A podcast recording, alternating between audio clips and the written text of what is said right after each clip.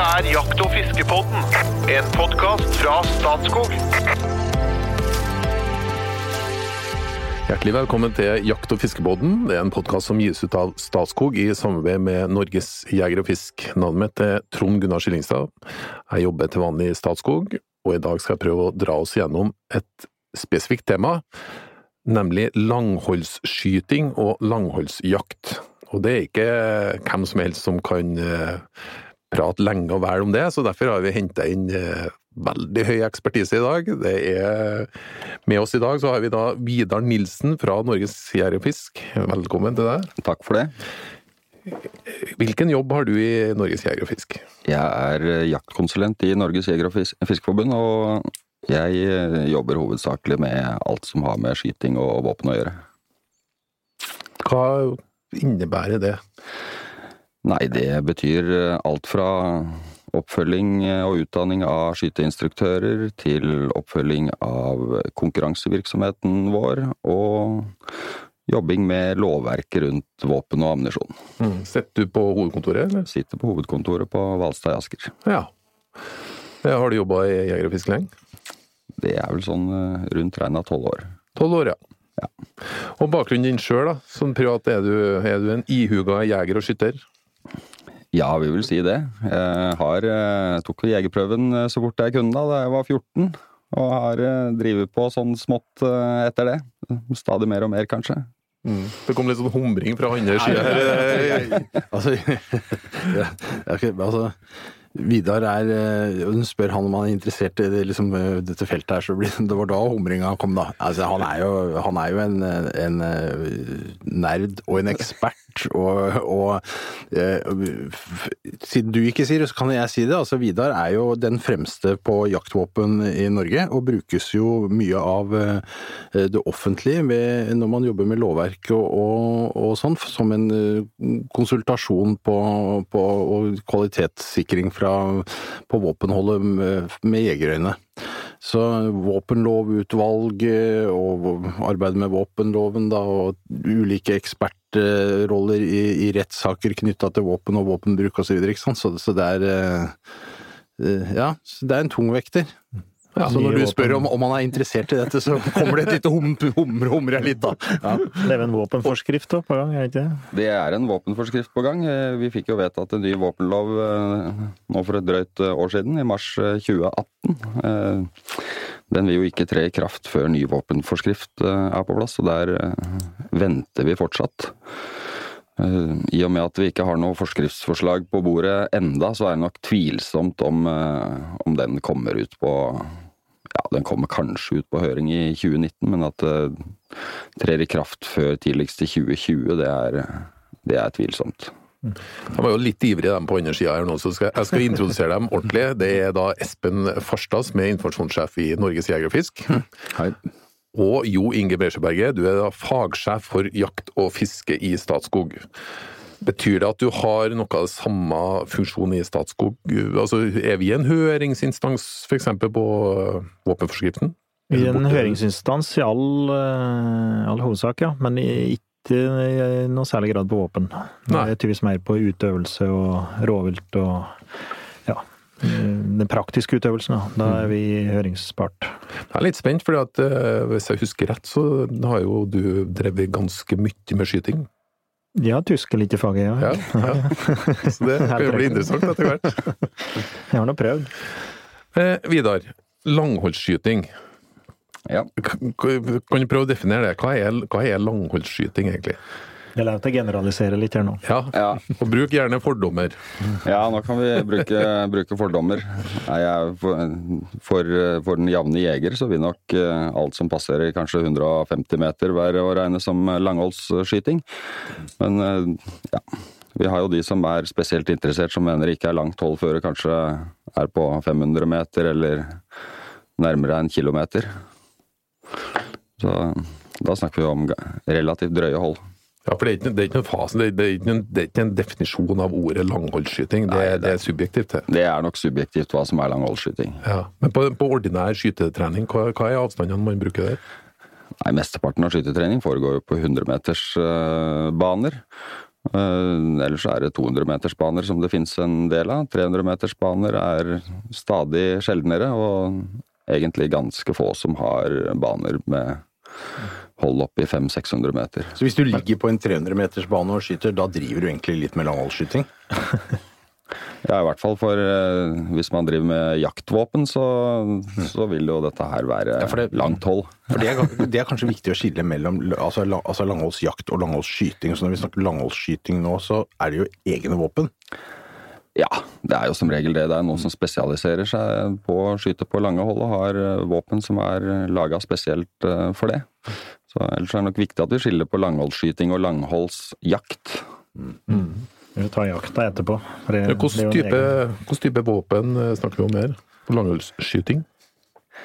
Vi snakker jo stort sett om uh, boltrifler av ulike slag. Hva har Og det? boltrifler. Vanlige repeterrifler.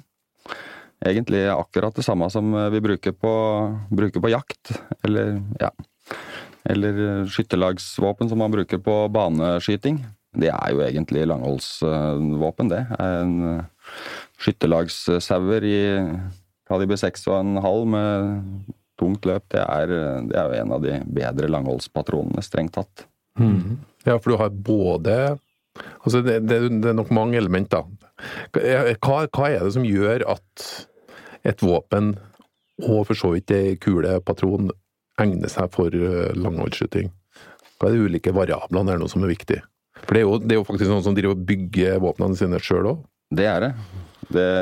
Du må ha litt utgangshastighet, fordi du skal rett og slett skyte langt. Så det blir å ha lange, lange kuler med gode flyveegenskaper som eh, går fort nok til at de går både langt og presist på lange hold. Da er vi på kula. Da er du på kula. Er det ekstra krutt inni patronen for å få det det er litt ekstra kraftige patroner, litt større patroner, for å få plass til mer krutt og få mer hastighet. Ja. Det, Det er jo litt å sammenligne med militære skarpskyttere. At de har flere kalibre å velge på, eh, litt ettersom avstand. Og Betyr lenge, lengre avstand, jo ofte må du ha grøvere patroner da, for å få den kula til å drepe på langt hold. Så, så det betyr at enkelte kaliber som vi kjenner fra jakta, som 222 og 243 og disse er litt sånn lettere riflekalibrene, de brukes ikke noe særlig grad De brukes ikke i noe særlig grad, fordi de har veldig lette kuler, og som er veldig utsatt da, kanskje spesielt for vindavdrift. Så de er, eh, man må ha litt tyngre kuler, men samtidig må det være lange og ha gode flyveegenskaper. Korte, butte kuler, de flyr dårlig. Det blir litt som forskjellen på å kaste ball og kaste spyd. Spydet går litt greiere gjennom lufta. Mm, mm. Det er Selve våpenet, da. Hva er viktig med våpenet? Nei, det viktigste er jo at det er, at det er eh, stabilt, at det, alt er av god presisjon, sånn at, eh, sånn at det blir mest mulig likt fra gang til gang man eh, trekker i avtrekkeren. Du, du, må, du må ta inn over deg nå at du, du snakker med en som ikke kan dette veldig godt. Nei. Som ikke, Nei, ikke tar så mye for gitt her nå, altså. Nei, det er eh, våpen det man eh, Skal, skal løpet være lenger, eksempel? ja, lange, lange, tunge løp. Ja. Store, tunge børser. Og ofte da for å få ting mest stabilt, så bygger man det i stål og med aluminiumsstokker og sånn at det er ingenting som eh, rører på seg. Det, det ser mer ut eh, kanskje, Vi kan vel si at det ser mer ut som en skarpskytterrifle som eh, Forsvaret bruker, da, enn ei vanlig jaktrifle.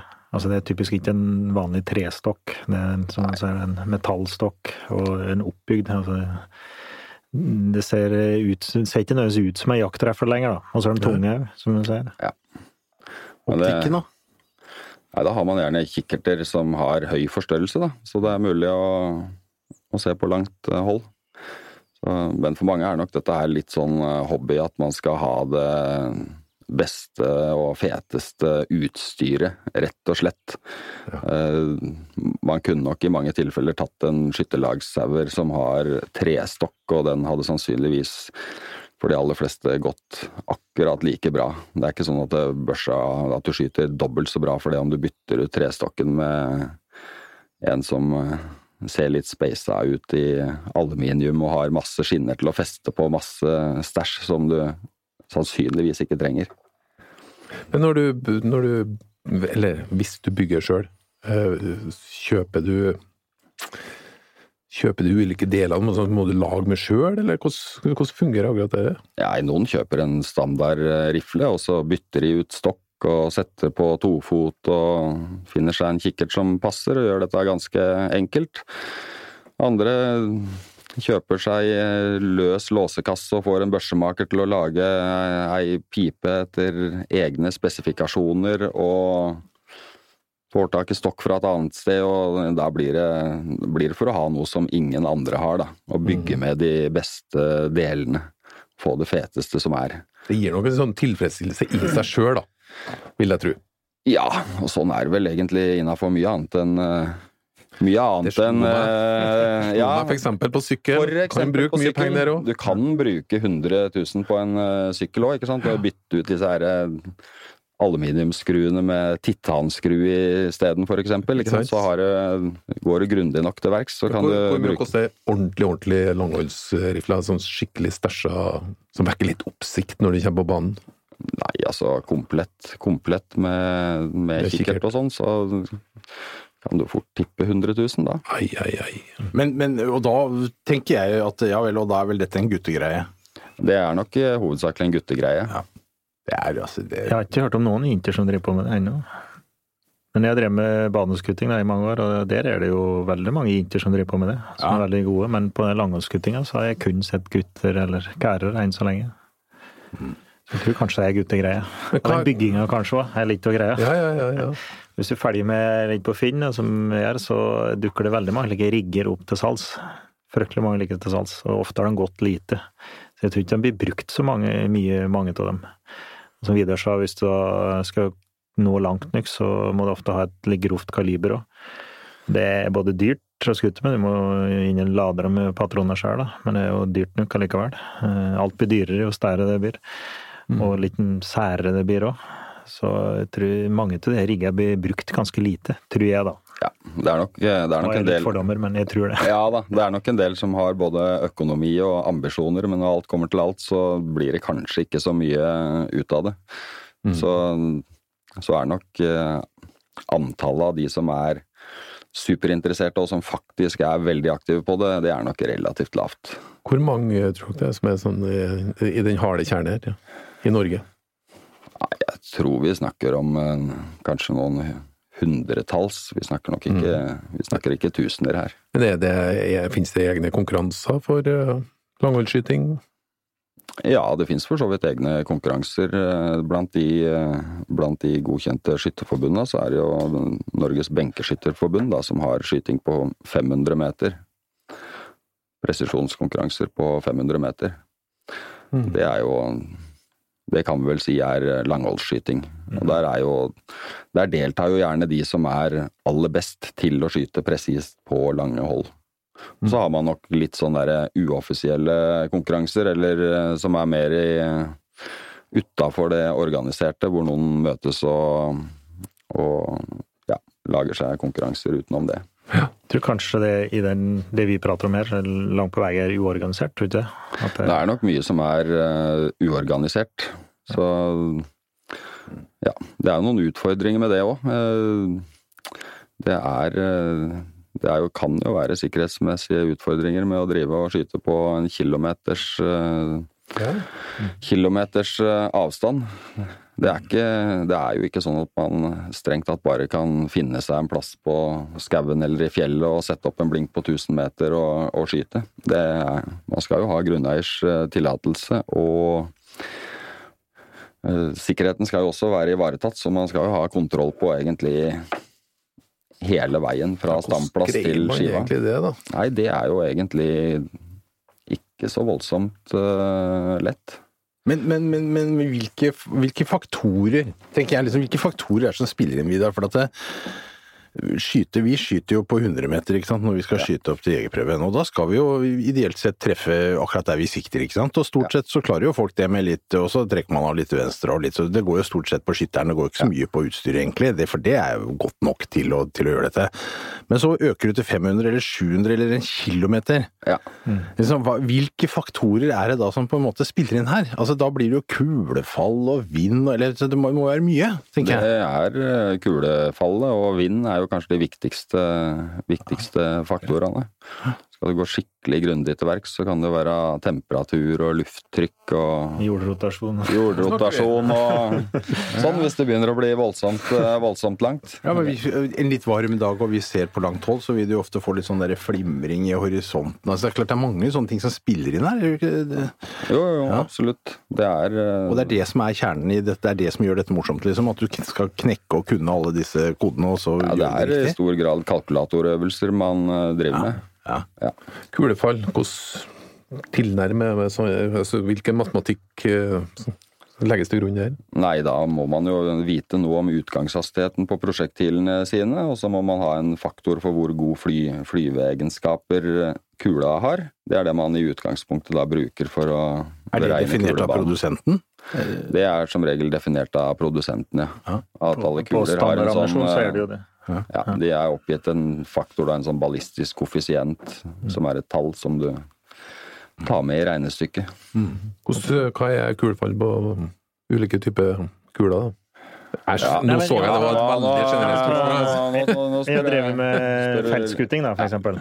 Hæ? Jeg drevet med feltskuting, da, for eksempel. Da skutter du på feltfigurer i, i felten. Altså ikke på vanlig skuttebane, men du går på standplasser eh, som er laget til i, i skog eller i, på myr eller en måte å være, da. Og da skutt vi typisk Jeg har drevet med DFS, da. Da har vi skutt med sauer med trestokk. Altså, men vi har skutt på avstander opp mot 600 meter cirka, er lengst jeg har vært på på Østlandsmesterskapet. Og da typisk da skjøt vi inn på 200, og så skrur du ned til 100, og så skrur du oppover. Vi skjøt med diopter, ikke, ikke kikkertsekte som det jeg bruker, da. Og da typisk da var det ett knepp på 100 meter, det var 1 centimeter. Og da skjøt jeg inn på 200, og så skrudde jeg typisk åtte knepp ned til 100 meter. Og sånn 12-13 opp til 300 fra 200 meter, hvis du skjøt inn på 200. Og da, når du kommer på 200 meter, så er ett knep 2 centimeter, da. Men eh, så er det noen stand mellom ja, si 10 centimeter, kanskje, da. Mellom 100 og 200.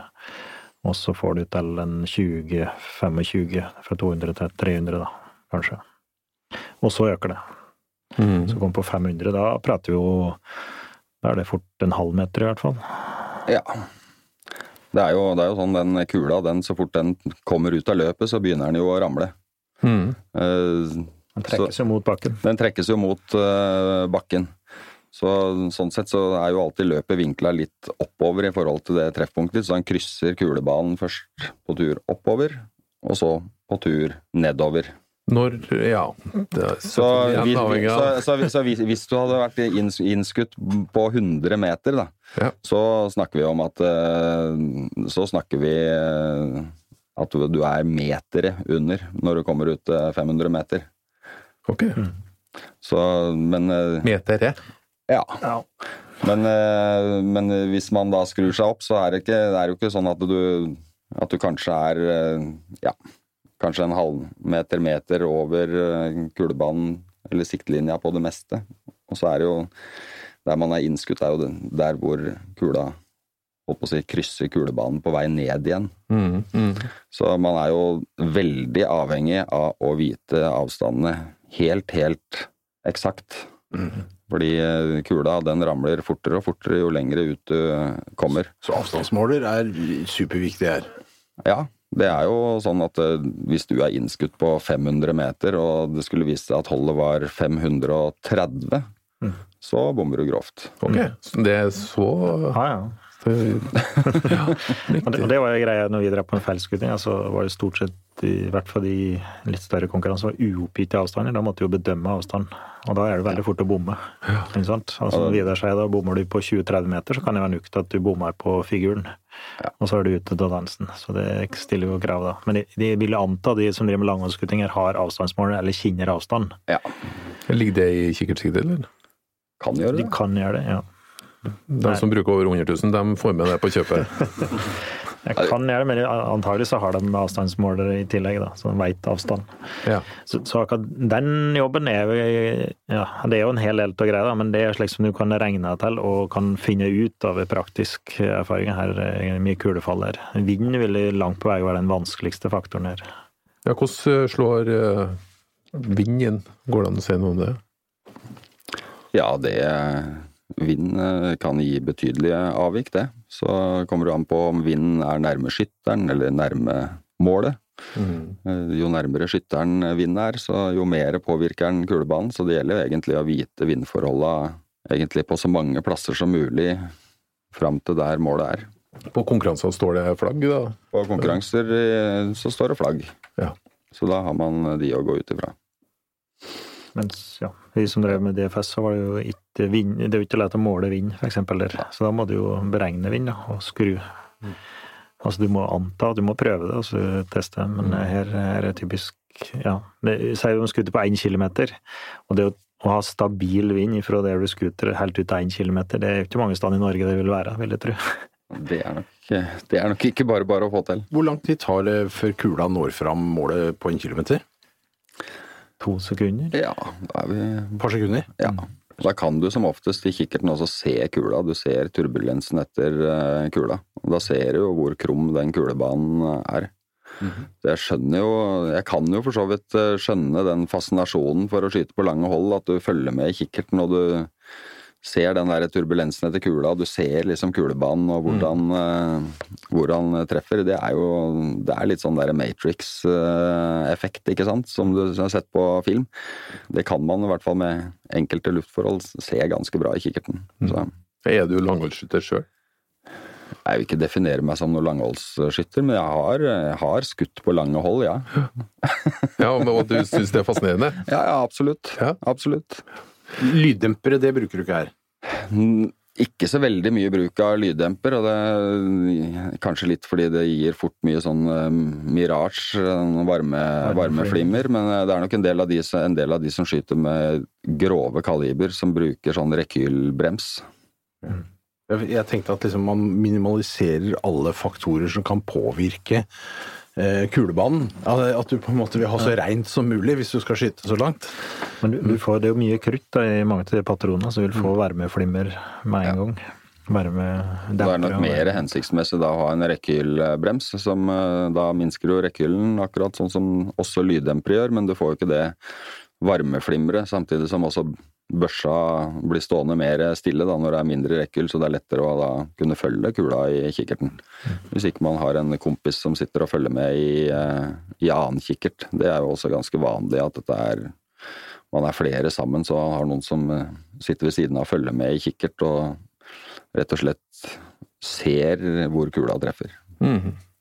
Eh, Hvis, hvis man har lyst til å prøve seg på dette, hvordan går man frem da? Før du bygger ei eh, veldig dyr refle, så vil jeg anbefale å lete på Finn og se noen av de rigga som blir solgt der.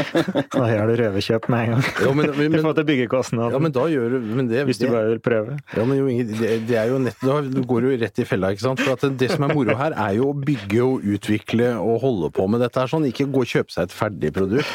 Det, det- det, er, er som, det. det er som Lego, som vi sier. ikke sant? Så Det er å bygge Lego som er gøy. Det er ikke å kjøpe en ferdig Lego-figur. Det er jo ikke noe gøy.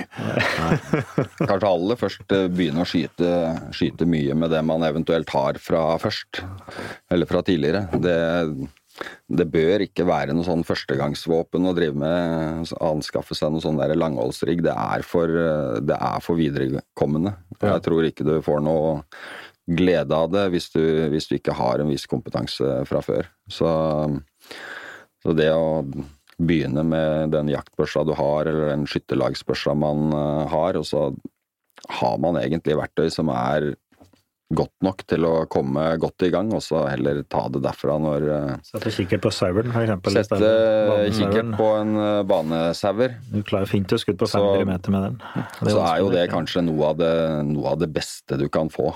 Egentlig, det- er langholdsbørse rett ut av esken til, eh, til under eh, 20 000 til under 20 000 eh, kroner. Så jeg håper å skal du bygge sjøl av deler, så, så må du nok eh, Er du oppe i godt over det dobbelte sannsynligvis før du har noe som kvalitetsmessig eh, er over, i hvert fall. Er det noen steder i landet hvor dette er, er det sterkere miljøer for dette noen steder enn andre steder? Jeg, jeg har litt sånn magefølelse på at det er mye av dette på Vestlandet, er det riktig? Ja, det har, eh, vi har sett at det er en del på, på Vestlandet, men det er sånn punktvis litt, litt her og der. Hva er det som gjør deg til en god langholdsskytter? Du må være nøyaktig. Dette er jo litt som sånn benkeskyting, eh, egentlig. Altså, det er det å ha nøyaktighet i alle ledd. Alt på utstyret må være perfekt. Og det kan de fleste klare å få til, for det kan man holdt på å si kjøpe seg.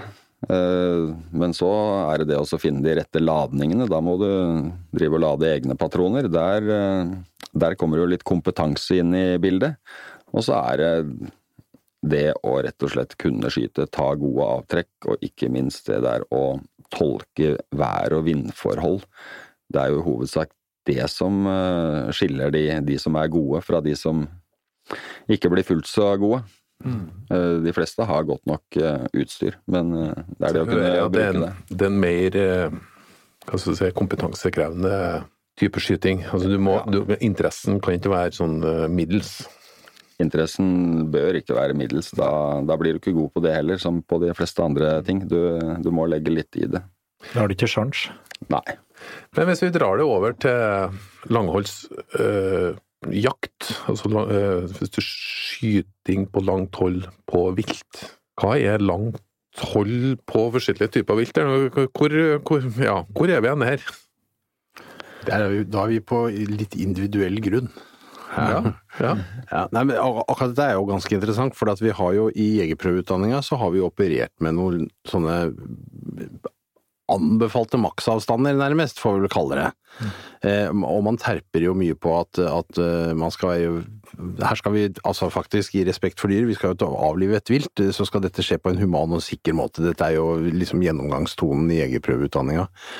Eh, og vi har jo hatt noen undersøkelser i noe sånn bedre jaktprosjekt i Jeger og Fisk-regi, hvor vi har altså samla inn eh, mange tusen skudd mot hjortevilt eh, for å analysere eh, hvor det går feil, hva er det som, hvilke situasjoner, hva er det som skjer, og, og da er liksom eh, avstand og bevegelse er liksom nøkkelorda som går igjen her.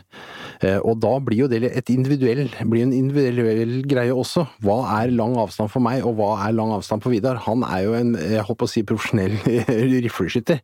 Jeg er jo i denne sammenhengen en glad amatør, og da bør jo jeg kjenne min begrensning. Eh, Han kjenner sikkert sin begrensning bedre enn det jeg gjør, for det kommer jo med kunnskap.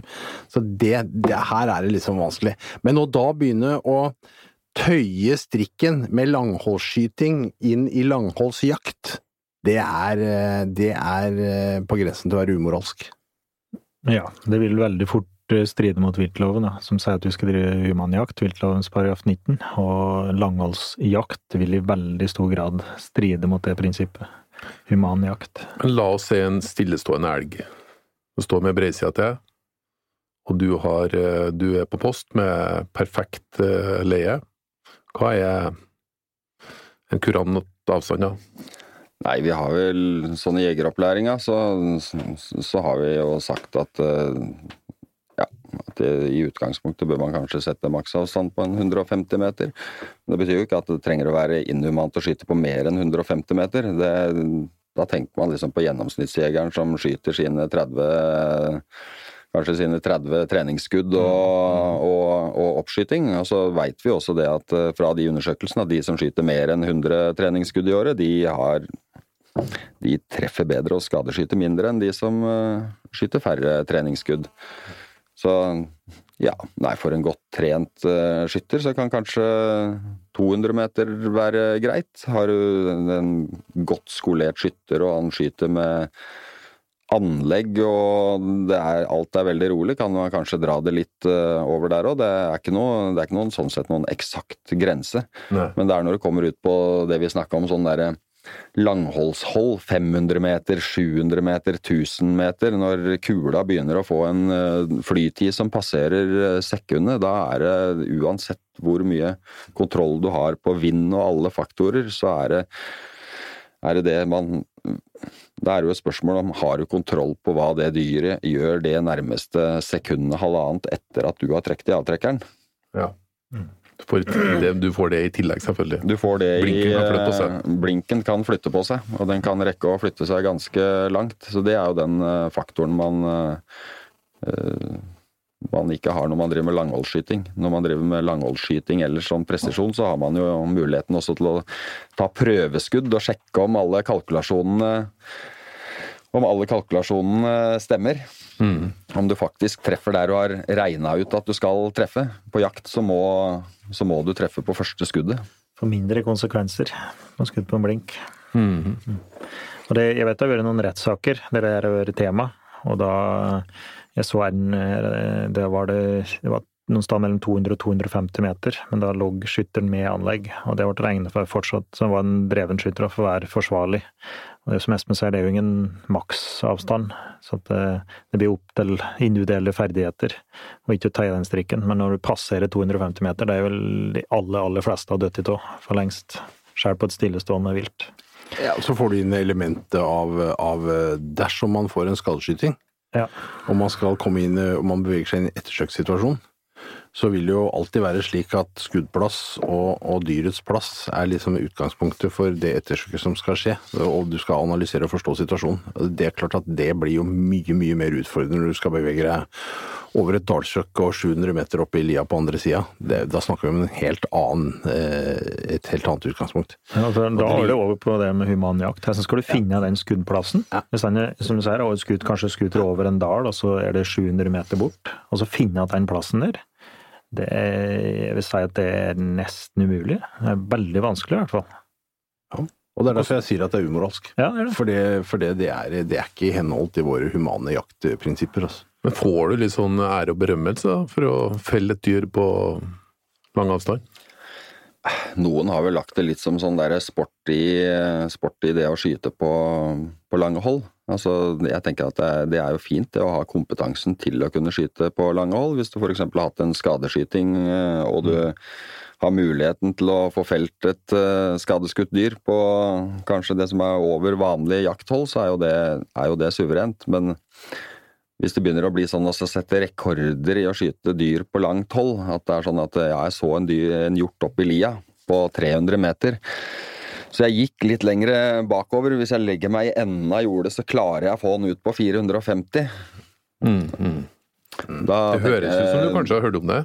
Det høres veldig ut som jeg har hørt om det. Du Da kan gå tenker jeg at man, YouTube, da tenker jeg at man kanskje Ja, det er jo, men, men det har jo vært noen saker passerer Norge. noen grenser, da. I hvert fall sånn mor moralsk. Mm. Så det finnes en slags sånn eh, I og med at det er sannsynligvis en guttegreie, så er det en machokultur her som er litt til stede, eller, eller en konkurransekultur. Kanskje, men, men eh, det her vil òg være kulturforskjeller. For det, vi har jo sett det her i Norge, det er en debatt om det her nå eh, i løpet av det året her. Og det folk har lagt ut og skrøtet om, skal til gjort på både 3 og 4 og 5 og 600 meter. Men, eh, men når det kommer til USA, for eksempel, så er det typisk en, et kærstykke å skrute et vilt på veldig lange hull i en del kretser. Og det ligger eh, Det er jo bare å søke på YouTube, det. Så finner du en 13-åring som skuter en, eh, en wapiti på 1300 og noe yards, for eksempel. Og da er det Og det er liksom det mesterskuddet og det ene med det andre. Men uh, i Norge så vil det anses som forkastelig, da. Det er, nok, det er nok en del skudd som blir fyrt av som ikke blir vist på, på YouTube òg. Det Det må vi er anta. nok, ikke, er nok ikke treff hver gang. Alltid. Men hvis, hvis dyret detter og dør, så er alt greit. Hvis det blir skadeskutt, når, eh, når eh, kan du ha gjort noe ulovlig?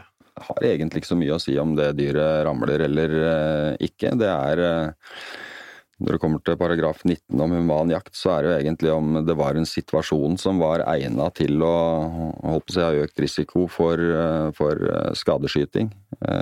Så utfallet er egentlig kanskje av mindre betydning. Det er om det egentlig var en eh, situasjon som var eh, egnet til å øke sjansen for bom eller skadeskyting, som er det avgjørende. For det er jo helt, det er helt greit å skade Jeg skal ikke si at det er greit å skadeskyte, men alle kan være uheldige å få en, eh, en skadeskyting. Eh, Men man skal ikke oppsøke eh, situasjoner hvor man veit at risikoen for det er eh, høyere enn eh, nødvendig. Man skal i utgangspunktet bruke situasjoner hvor sjansen for felling er, er stor. Mm. Så det har egentlig mindre betydning om det dyret datt med en gang, eller om det løp 50 meter, eller om det løp 100 meter. Altså, Det er litt sånn? Vi, vi som jobber med, med dette til daglig, som driver jegerutdanning, vi kurser altså en 12 000-14 000 nye jegere gjennom systemet hvert år, og vi ønsker dem velkommen inn. Vi er jo ekstremt opptatt av at dette skal foregå på en måte som er eh, humant og sikkert, som vi sier, som har samfunnets aksept, og som minimaliserer lidelse på dyret. Dette er liksom noen sånne bærende prinsipper for oss, og vi jobber hele tida med å bli bedre, og analysere situasjoner og legge til rette for skyte og skyteaktivitet på skytebaner, og invitere folk inn i det miljøet, ikke sant, og vi hadde, som jeg sa, mange tusen med på undersøkelser for å kartlegge hva er situasjonene, hvordan kan vi bli bedre, kan vi gi enkle råd? Altså, det er et massivt arbeid som er gjort gjennom mange år på dette, sånn, som gjør at vi sannsynligvis har verdens beste jegerkorps. Altså, folk er bevisst, det har med moral og tanker og, og, og sånn å gjøre inni huet. Og da skulle leike seg med et våpen i en jaktsituasjon for å tøye strikken den andre veien. Det er så du kan bli forbanna, ikke sant? Fordi at eh, Gjør nå gjerne det som langholdsskytter. Kos deg med, med våpen og teknikken og utregningene og skyt på blink, men å omsette dette til en jaktsituasjon, det er ikke akseptabelt. Nei, Jeg er helt enig med Espen der. Altså, vi, vi er helt avhengig av allmennhetens uh, aksept for å drive på med det vi driver på med. Og jaktas anseelse står i fare for å, å gå på båten. Skal vi drive på med det? Jeg skjønner ikke hvorfor skal vi drive på med det. Hvorfor i alle dager skal vi drive jakte og, og skute på lange hell som det er der? Det er en ting at du klarer det, og har bevist at du klarer det, men det er, det er helt unødvendig. Vi skal ikke gjøre det der. Det, det strider mot human jakt, og det strider mot jaktas anseelse. Bare ifra det du trekker i avtrekkeren til kula er framme, så er det så lang flyvetid at eh, du risikerer å bare der lage en skadeskyting for at viltet fletter seg litt. Det står ikke helt rolig. Det kan stå i litt annen vinkel enn du tror, ikke sant. Og så er det kulefall og vindavdrift og det ene med det andre. Og pluss at eh, du skal, ha, eh, du skal ha bra fart på den kula for at hun skal være drepende på en lang avstand. Det er ikke alle prosjektiler som har nok kraft til å, til å gjøre jobben i, i kroppen når den når fram på 500 meter heller. Jeg skjønner ærlig talt ikke poenget. Det, det burde være unødvendig. Men det som er et poeng, er at man kan bruke den kompetansen man har som langholdsskytter til å holdt på å si, bedre marginene innafor det som er eh, holdt på å si, normale hold. Og kanskje til og med det en uh, gjennomsnittsjeger oppfatter som uh, lange hold. Så Ja.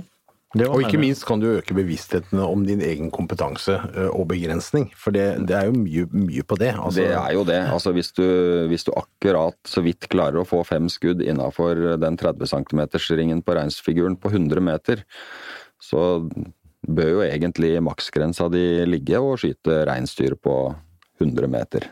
Fra den stillinga du brukte da du tok eh, prøven. Det er jo liksom der kompetansen din eh, ligger.